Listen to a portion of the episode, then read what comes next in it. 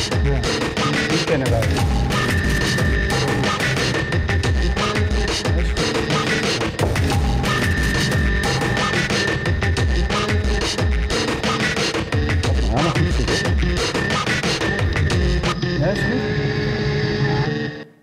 moet Je moet wel weer een keertje naar je kapper, toch, denk Ja, ik. ik vroeg net of mijn haar wel goed zit. Nee, daarom kan beter. kan zijn beter. begonnen. Oké, volgende week. Ja. Ehm, goed, welkom. Iedere dinsdagavond topnames vanuit Freedom Lab in Amsterdam.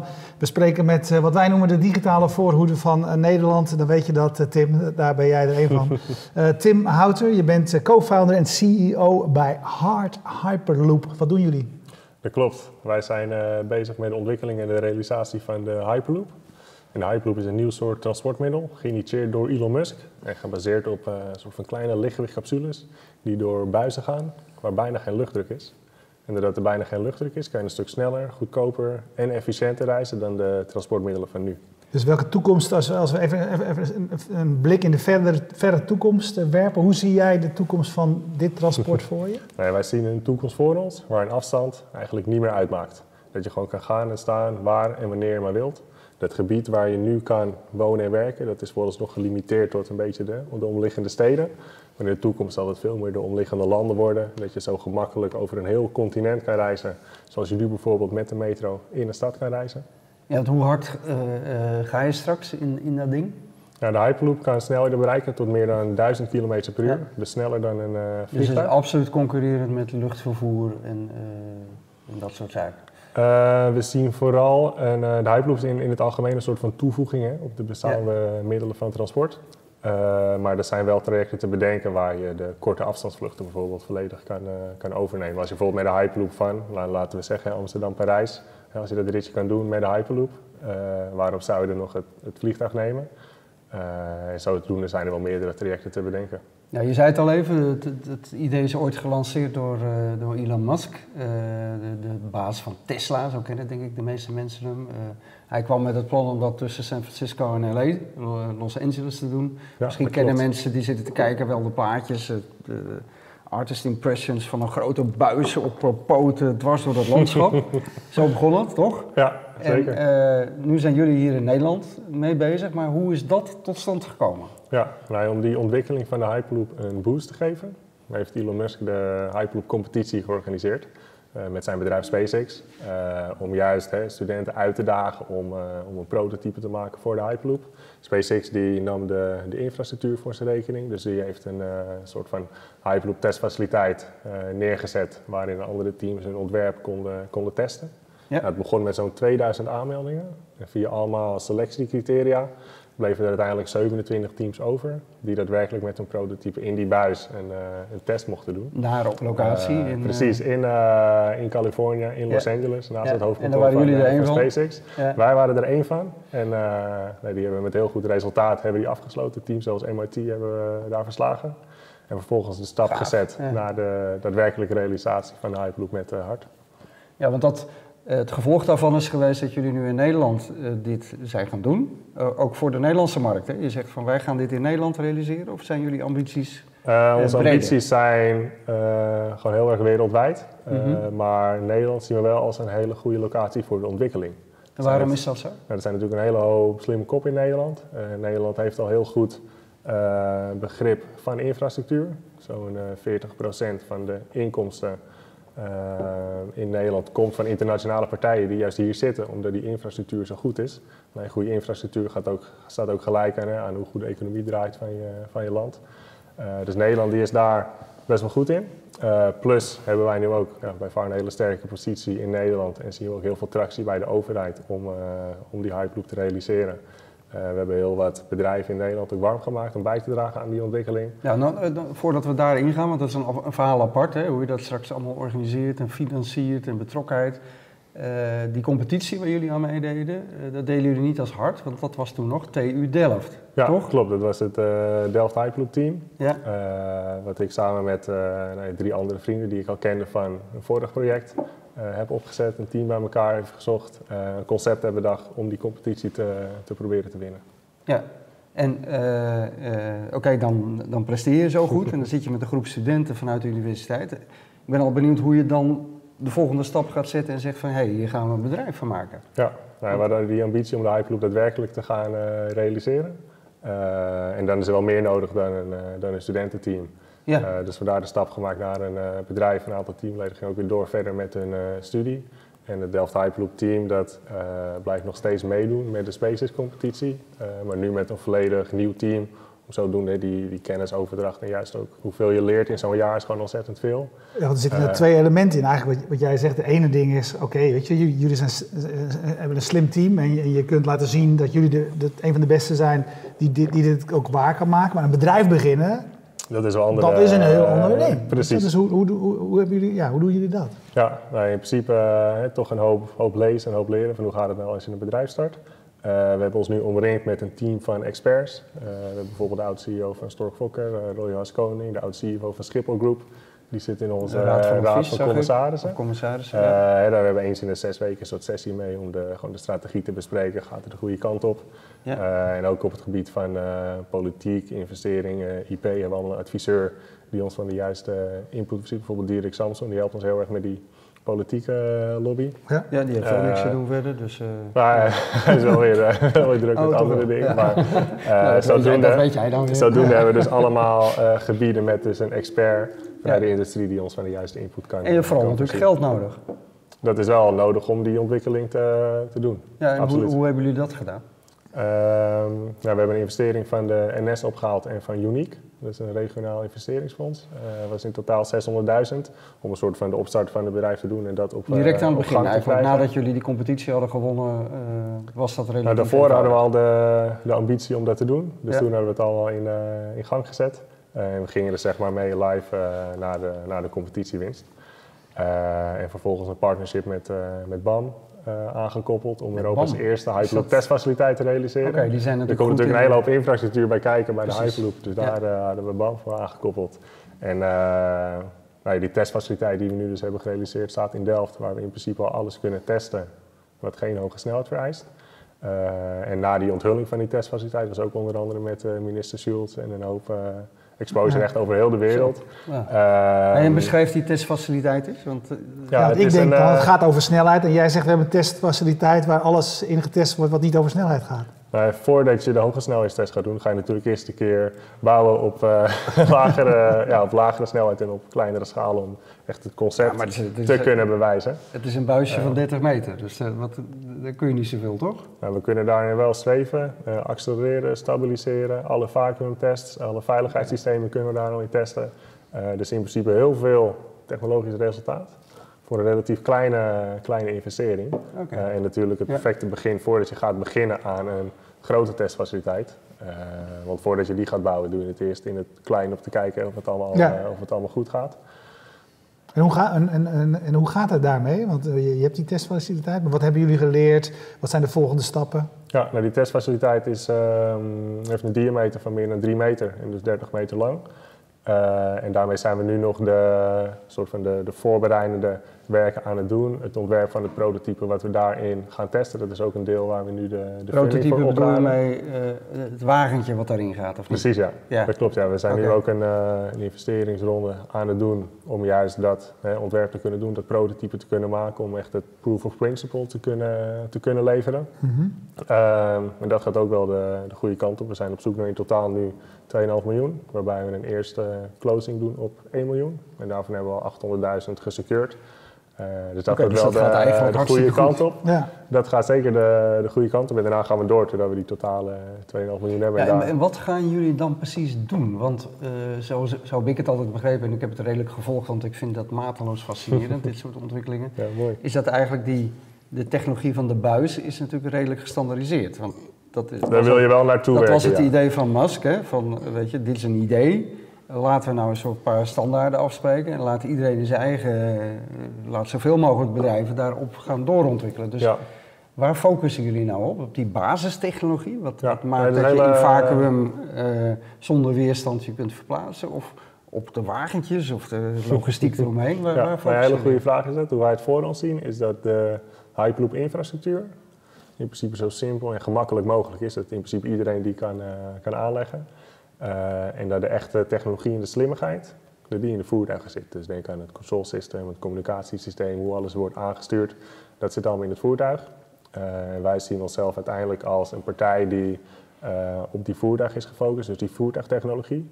Maar de interactie met, met voertuig en infrastructuur die is natuurlijk heel groot. dus daar kijken we ook naar hoe dat zo optimaal mogelijk kan zijn, om daar de juiste specificaties voor, voor te leveren. In principe willen we uitgroeien naar een soort van de, de Airbus van de, van de Hyperloop-wereld. Ja. ja, kun je een paar voorbeelden geven wat dan de uitdagingen zijn? Ja, nou, bijvoorbeeld op, uh, op hoge snelheid een magnetisch zweefsysteem. Dat is iets wat, uh, wat nieuw is. Uh, en dat in een vacuüm, hè. Dat, is, dat is ook nog nooit gedaan. Het mooie wel van Hyperloop is dat het allemaal op zichzelf staand, op bestaande en bewezen technologieën zijn. Bijvoorbeeld grote stalen buizen, nou, vacuüm, magneetzweven, dat is in principe allemaal niks nieuws. Maar die combinatie, die is uniek. En die ja, zijn we nu aan het creëren en aan het testen en aan het bewijzen. Jullie hebben, dus dit, dit was een, een, wedstrijd, dus ik neem aan dat er uh, op de hele wereld mensen bezig zijn met deze technologie, deze techniek uh, verder, te, verder te ontwikkelen. Maar voel je ook nog, voel je ook, uh, zeg maar, voel je haast? Moet jullie snel zijn? Moet je eerder zijn dan, dan je concurrenten die, in de rest, die op andere plekken hiermee bezig zijn? zijn, uh, nadat Elon Musk zijn Hyperloop idee had gepubliceerd, dat was rond 2012, 13, toen zijn er al meerdere partijen mee begonnen hè, om het verder uit te werken. Uh, maar juist om die technologische ontwikkeling een boost te geven, heeft hij die competitie georganiseerd. Ja. Uh, maar omdat er dus meerdere partijen mee bezig zijn, wil je dus wel snel stappen kunnen zetten om je, nou, je first mover advantage zo doen, mm -hmm. te, te kunnen behouden. Uh, dus daarom voelen we wel een soort van haast om het allemaal uh, in ieder geval zo snel mogelijk, maar ook zo goed mogelijk te doen. Ja, ja want ik lees op, op uh, allerlei sites dat jullie hebben geroepen 2021. Zou, ja, zou dan zou je kunnen beginnen met de aanleg van het traject tussen ja. twee gebieden. Dat vind ik eigenlijk wel heel snel. Nou, als je kijkt hoe snel het technologisch kan, dat is gewoon ontzettend snel. Dat prototype voor de competitie is in één jaar tijd zowel ontworpen als gebouwd. Uh, en die lijn die willen we doorzetten en daarom is het nu ons plan om... Maar komt dat om, omdat wat je zei, dat eigenlijk de technologieën die gebruikt worden niet nieuw zijn? Dat het alleen een nieuwe combinatie van technologieën is? Um, nou, bijvoorbeeld hè, dat magneetzweven op hoge snelheid, dat is mm -hmm. nog wel iets nieuws. Hetzelfde geldt voor het vacuüm. Uh, en daarvoor is een hoge snelheid testfaciliteit nodig om dat allemaal te bewijzen. Uh, plus natuurlijk een prototype, een prototype Hyperloop voertuig die dat bewijs kan leveren. Uh, en het is ons plan om binnen nu in vier jaar, uh, dus in zo'n testfaciliteit, dat volledig uh, bewezen te hebben. En in de tussentijd natuurlijk allemaal al partijen opgeleid aangehaakt, zodat we daar de Hyperloop voertuigen voor Maar in alle eerlijkheid, die drie jaar of vier jaar waar je het dan over hebt, dat is toch ongelooflijk krap voor zo'n ontwikkeling. Want ik kan me voorstellen dat je best binnen drie jaar kunt bewijzen dat je een, een karretje met 1000 km per uur door een buis kan schieten. Uh, maar als je daar een openbaar vervoerssysteem van wil maken. Kijk, bij de NS gaat het nooit over of de treinen, hoe dat werkt. En weet je, dat het rijdt en dat er een elektromotor in zit, en dat het stroom nodig heeft en dat de wielen rond moeten zijn. Het gaat -huh. alleen maar over logistiek.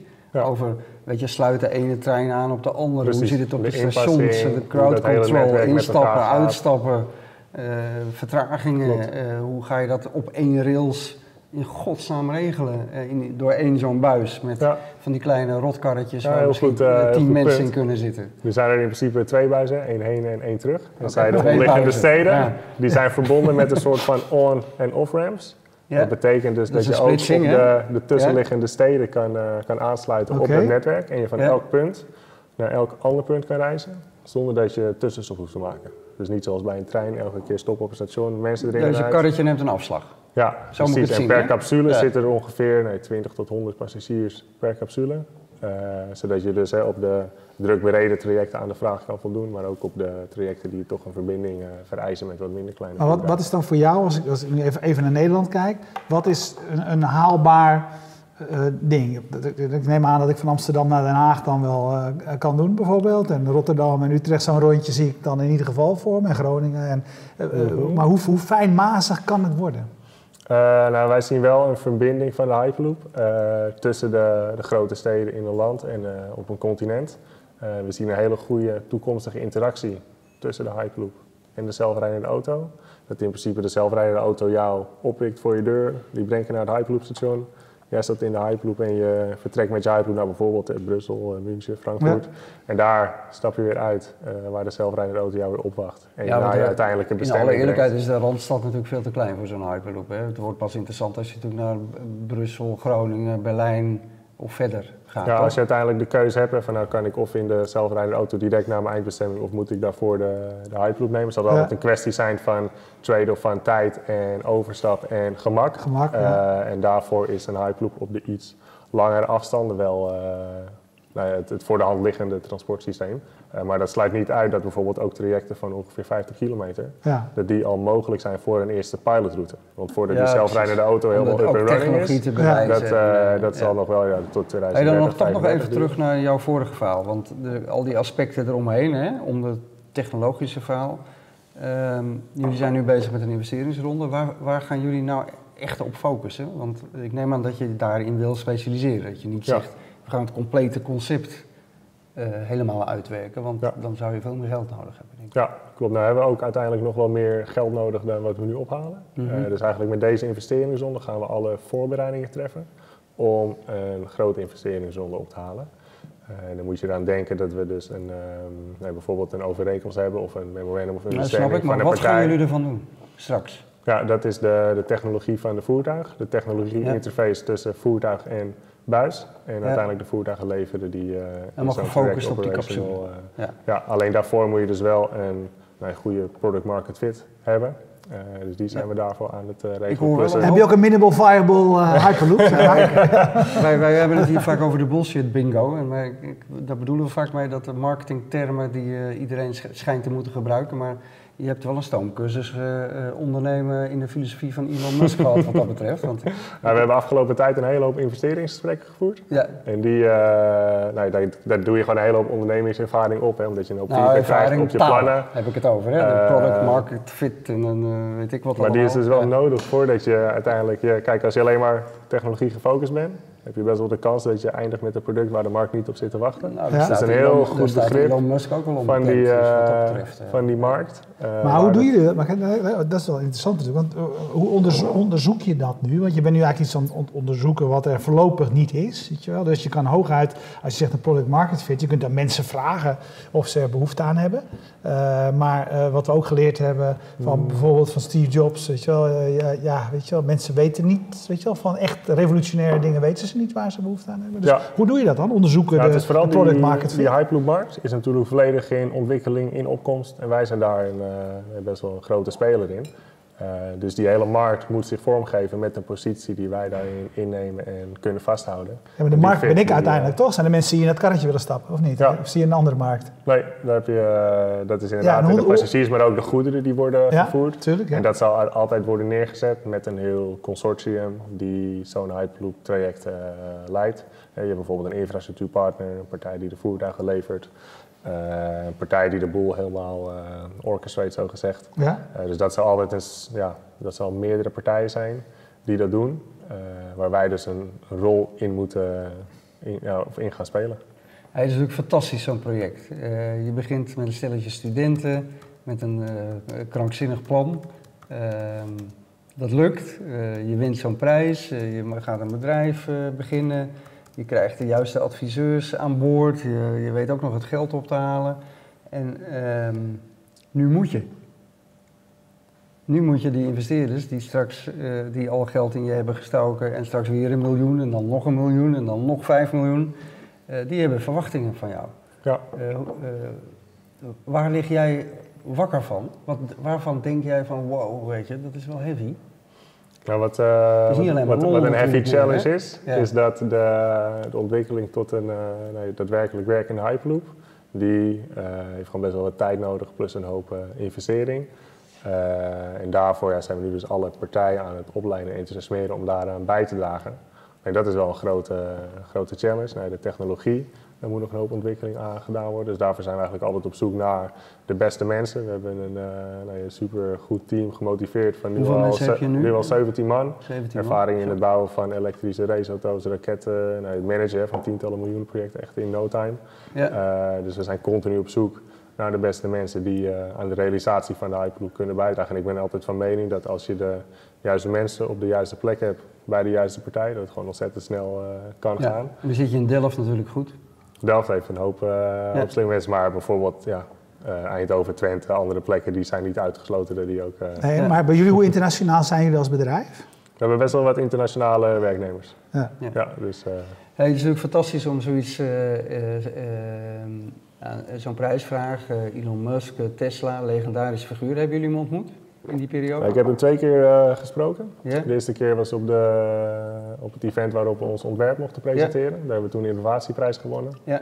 Eh, toen had ik best wel een leuk gesprek met hem, best wel informeel, ook gewoon met zijn kinderen erbij.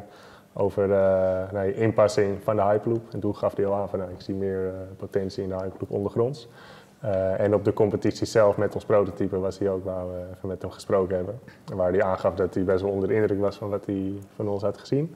Eh, en ook van zijn SpaceX medewerkers hoorde dat die onder de indruk waren van wat Ja. ze zagen. Ja. Dus dat is nou heel leuk om, om te Ja, en, horen. en, en zoals nu, hè, want het is toch, weet je, hij, hij is zo'n man eh, die zoiets bedenkt, deelt met de wereld, lanceert, zonder ambitie om dat nou per se zelf helemaal te gaan uitrollen. Mhm. Houdt hij dan ook contact met jullie of wil hij op de hoogte gehouden worden? Hoe werkt dat?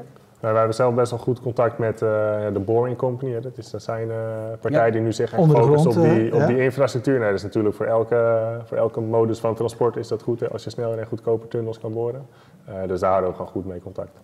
Ja, Maar zie jij het zelf? Zie jij dat ook zo? Eh, Want daarom is hij die Boring, eh, die boring Company, wat een fantastische naam is, eh, beg- begonnen. Hè? Omdat, eh, wat je zei, want omdat hij daar zelf mee in gelooft. Maar waar, waar zit jouw geloof? Boven, onder de grond? Wat is, of is, Nou, is het mogelijk. het je dus het zal altijd afhankelijk zijn van de inpassing. Het mooie is, hè, omdat je dus in die buis zit, heb je toch al een soort van je eigen tunnel. Maar die buis is ook best wel buigstijf, waardoor je hem ook heel makkelijk op pilaren bovengronds kan zetten. ja. Dus op gebieden waar het nou ja, druk bevolkt is, zal je wellicht ondergronds gaan.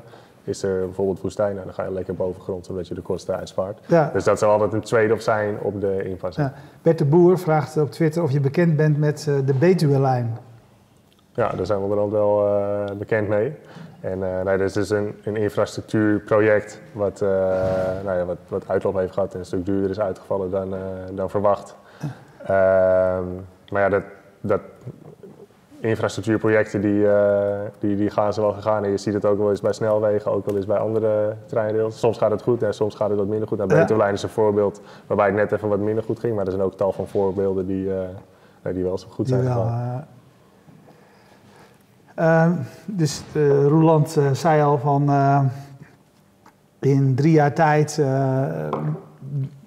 denken jullie zeg maar een eerste, eerste werkende eh, grote traject. eh, Nou, een prototype in een testfaciliteit die topsnelheid, het nemen van bochten, het eh, wisselen van banen en door luchtsluizen. Ja. eh, dan gaan Dus die dan- dat eigenlijk bewijst. ja, dus dan ga je bewijzen en dan moet eigenlijk de grote stap volgen. Precies. Eh, daar een traject tussen twee gebieden waar je echt met Hyperloop voertuig ingaat die eh, nee, jou en mij eh, zullen Hey, is, is voor jullie, da- als je het daarover hebt, ik snap dat het eh, van jullie, dat het, er is veel, ook veel eh, klasse en deskundigheid in Nederland, dus dat bedenken en alles kun je hier heel erg goed doen, maar waarschijnlijk zijn we niet het makkelijkste land om een prototype, eh, zeg maar, om een eerste versie over een iets groter gebied te gaan ontwikkelen, want dat is in Nederland nogal lastig. Ja, nou, echt infrastructuurprojecten qua inpassing. Dat Ja. is in Nederland best wel lastig eigenlijk. Ja. in, in meerdere gebieden van Europa is dat altijd wel een, eh, Ja. een, een Dus- big dus- impact ding. Dus waar gaan jullie dat doen? Eh, nou ja, er zijn zelf van, Emma, talloze... van Emmeloord naar eh, Almere, dat is volgens mij de enige mogelijkheid. Ja, er zijn talloze overheden die een hoop interesse hebben getoond in de inpassing van de Hyperloop. Denk aan eh, naar gebieden zoals Dubai, maar ook aan Rusland, Estland, Zuid-Korea. Ja. Eh, die hebben allemaal gezegd van nou, we willen kijken naar de inpassing van maakt jullie geen zak uit. En eh? Ja. nou, het zou natuurlijk wel leuk zijn als het in die zin dicht bij ons is, zodat we er ook gewoon zoveel mogelijk gebruik van kunnen maken. Maar om, dat, om tot dat punt te komen, dan moet het op, eh, op meerdere plekken gewoon Ja, hoeveel kilometer heb je nodig zijn. om je topsnelheid te bereiken? Wat voor testfaciliteit? Nou, dat hangt af van je acceleratie natuurlijk. Ja, En stel je zou met ongeveer 1 G accelereren, heb je zo'n 4,5 kilometer nodig om op snelheid te komen. Ehm, dus dat betekent ook dat toch een relatief korte traject hebt van zo'n eh, 50 kilometer. Je gewoon een behoorlijk je deel een op je topsnelheid hebben, kunt, je wil een eh, paar wissels kunt maken. hebben en eh, om alle, al die aspecten... eh, Ja, maar de testfaciliteit die we voor ons zien om echt het bewijs van de technologie ja, te leveren, eh, die kan eh, tussen de 3 en 5 kilometer zijn. Die dus de, nou ja, een lang genoeg traject heeft hè, om, die, om die topsnelheid te bereiken, maar ook een deel voor de bocht. en voor de wissel. Je gebruikt dan wel een stuk hogere acceleratie dan dat je zou doen eh, Ja. in het traject wat mensen vervoert. Alleen eh, de kosten voor je testfaciliteit zijn ook weer minder, omdat je een kleinere testfaciliteit nodig hebt. Dus dat is altijd een trade-off tussen. eh, Ja, wie, wie, wie zijn jullie concurrenten wereldwijd? partij- bedrijven, partijen die dit ook aan het doen zijn? Want ik kan me voorstellen, als je nog in de fase zit van proof of technology, dat het ook wel een beetje bizar is als tien partijen tegelijkertijd dat, die proof of technology eh, aan het doen zouden zijn. Of, of is dat niet zo? Nou, het mooie is dat wij echt die, eh, die focus hebben op de voertuig in de, in de interactie van voertuig tussen infrastructuur. Ja, Eh, en de andere Hyperloop-partijen vooral aan het focussen zijn op die infrastructuur en de inpassing daarvan. Dus eigenlijk is dat Ja. een hele goede toevoeging op elkaar om juist samen te, te pushen voor dus die oké, dus je, je ziet in de samenwerking hier dan concurrentie. Mag ik één, één vraag over eh, zeg maar, transport nog, nog even iets breder? Je gaf dat al een klein beetje aan. Je ziet een toekomst voor je waar we zelfrijdende auto's hebben en, en een Hyperloop. En wellicht ook wel raketten die van eh, New York naar Shanghai Nou ja, eh, vertel, eens, hoe Ja, zie, hoe zie je... begon, daar begon Elon Musk vorige week Precies, over. wat Ja. natuurlijk heel mooi was om, eh, Ja. om te zien. Dat, eh, al zie ik dat wel meer als nog iets verdere toekomstmuziek. Ja. Maar, eh, Maar waarom absoluut. koppel je die zelfrijdende auto er trouwens aan? Want dat doet er toch helemaal niet toe voor jullie concept? Of je nou met de fiets naar het Hyperloop station gaat of met, eh Dat klopt. Of lopend, of, of, met een fiets. of met een benzineauto. Dat maakt toch Ja. helemaal niet uit voor jullie concept? Voor ons concept maakt ook niet uit alleen de overgang van de, hè, bijvoorbeeld of de auto of de fiets, ofwel gewoon lopen, naar de Hyperloop capsule. Die willen we zo gemakkelijk en eh, nou ja, simpel mogelijk. En Dus daar is zelfrijdend in jouw optiek wel een belangrijke component voor. nou, in de toekomst zal dat mij wel een grote rol gaan spelen. Eh, dus wil je die overgang zo, eh, zo fijn mogelijk doen. Niet zoals nu bij een, bij een vliegveld, dat je een paar uur van tevoren er moet zijn voordat je pas in je vliegtuig zit en je ook nog eens een kwartier eh, naar de runway eh, Ja. moet taxiën. Nou, dan heb je Eh, geluk. Als je naar de polderbaan moet, langer Nou. We zien Ja. het veel meer voor ons als Ja. hè, toch een soort van metro. Je komt aan op het station. elke minuut, elke halve minuut misschien wel vertrekken die capsules. Dus je komt aan, je kan instappen binnen no time, ben je onderweg met die 1000 km per uur. Gaaf. Ja. Ik had nog één, één ding wat ik zelf intrigerend vond, dat ik las. Ik weet niet meer waar ik het las, maar dat, dat het voor mensen die, die een klein beetje last hebben van claustrofobie is natuurlijk best wel een, eh, een eh, laat ik zeggen, niet een heel fijn idee. Om in een buis eh, afgeschoten te worden. Denk je wel dat het een fijn idee is om op 13 kilometer hoogte in een aluminium koker eh, te zitten? Nee, ook niet. Nee, dat ben ik maar ik, ik, ik, ik las ergens een plan dat er ook wel weer mensen zijn die dan plannen hadden om aan de binnenkant van die capsule real-time te laten zien wat je zou zien als er ramen waren. Nou, ik denk Dus- als je met 1000 km per uur dat doet, dat je alsnog niks ziet. Omdat Nee, het maar zo... dan een beetje Dat gewoon heel langzaam. Ja. Nee, maar dat dan, ja. dat dan vervolgens een beetje in de slow-mo, weet je. Maar dat je, het- Ja. dat je wel, als je door eh, de Flevopolder eh, vliegt, of Ja. vliegt, met 1000 km per uur, dat je wel eh, mooie Nou, koolzaadvelden het is langs natuurlijk ziet van, komen. van En, heel groot belang dat de, hè, de, de reis in die capsule die zo, zo comfortabel mogelijk dus dit is. soort een fijne aspecten zijn jullie ook mee bezig, of niet? Absoluut, dat dat Ja. eh, nou ja, gewoon voor de reizigers een fijn mogelijke beleving eh, geeft. ja. Maar ik heb nog een ander ding, Stekel. Van, kijk, ik woon vlakbij het Amstelstation in Amsterdam. Dus ik ben in 20 minuten denk ik, in Utrecht. Ik ga nooit naar. Utrecht.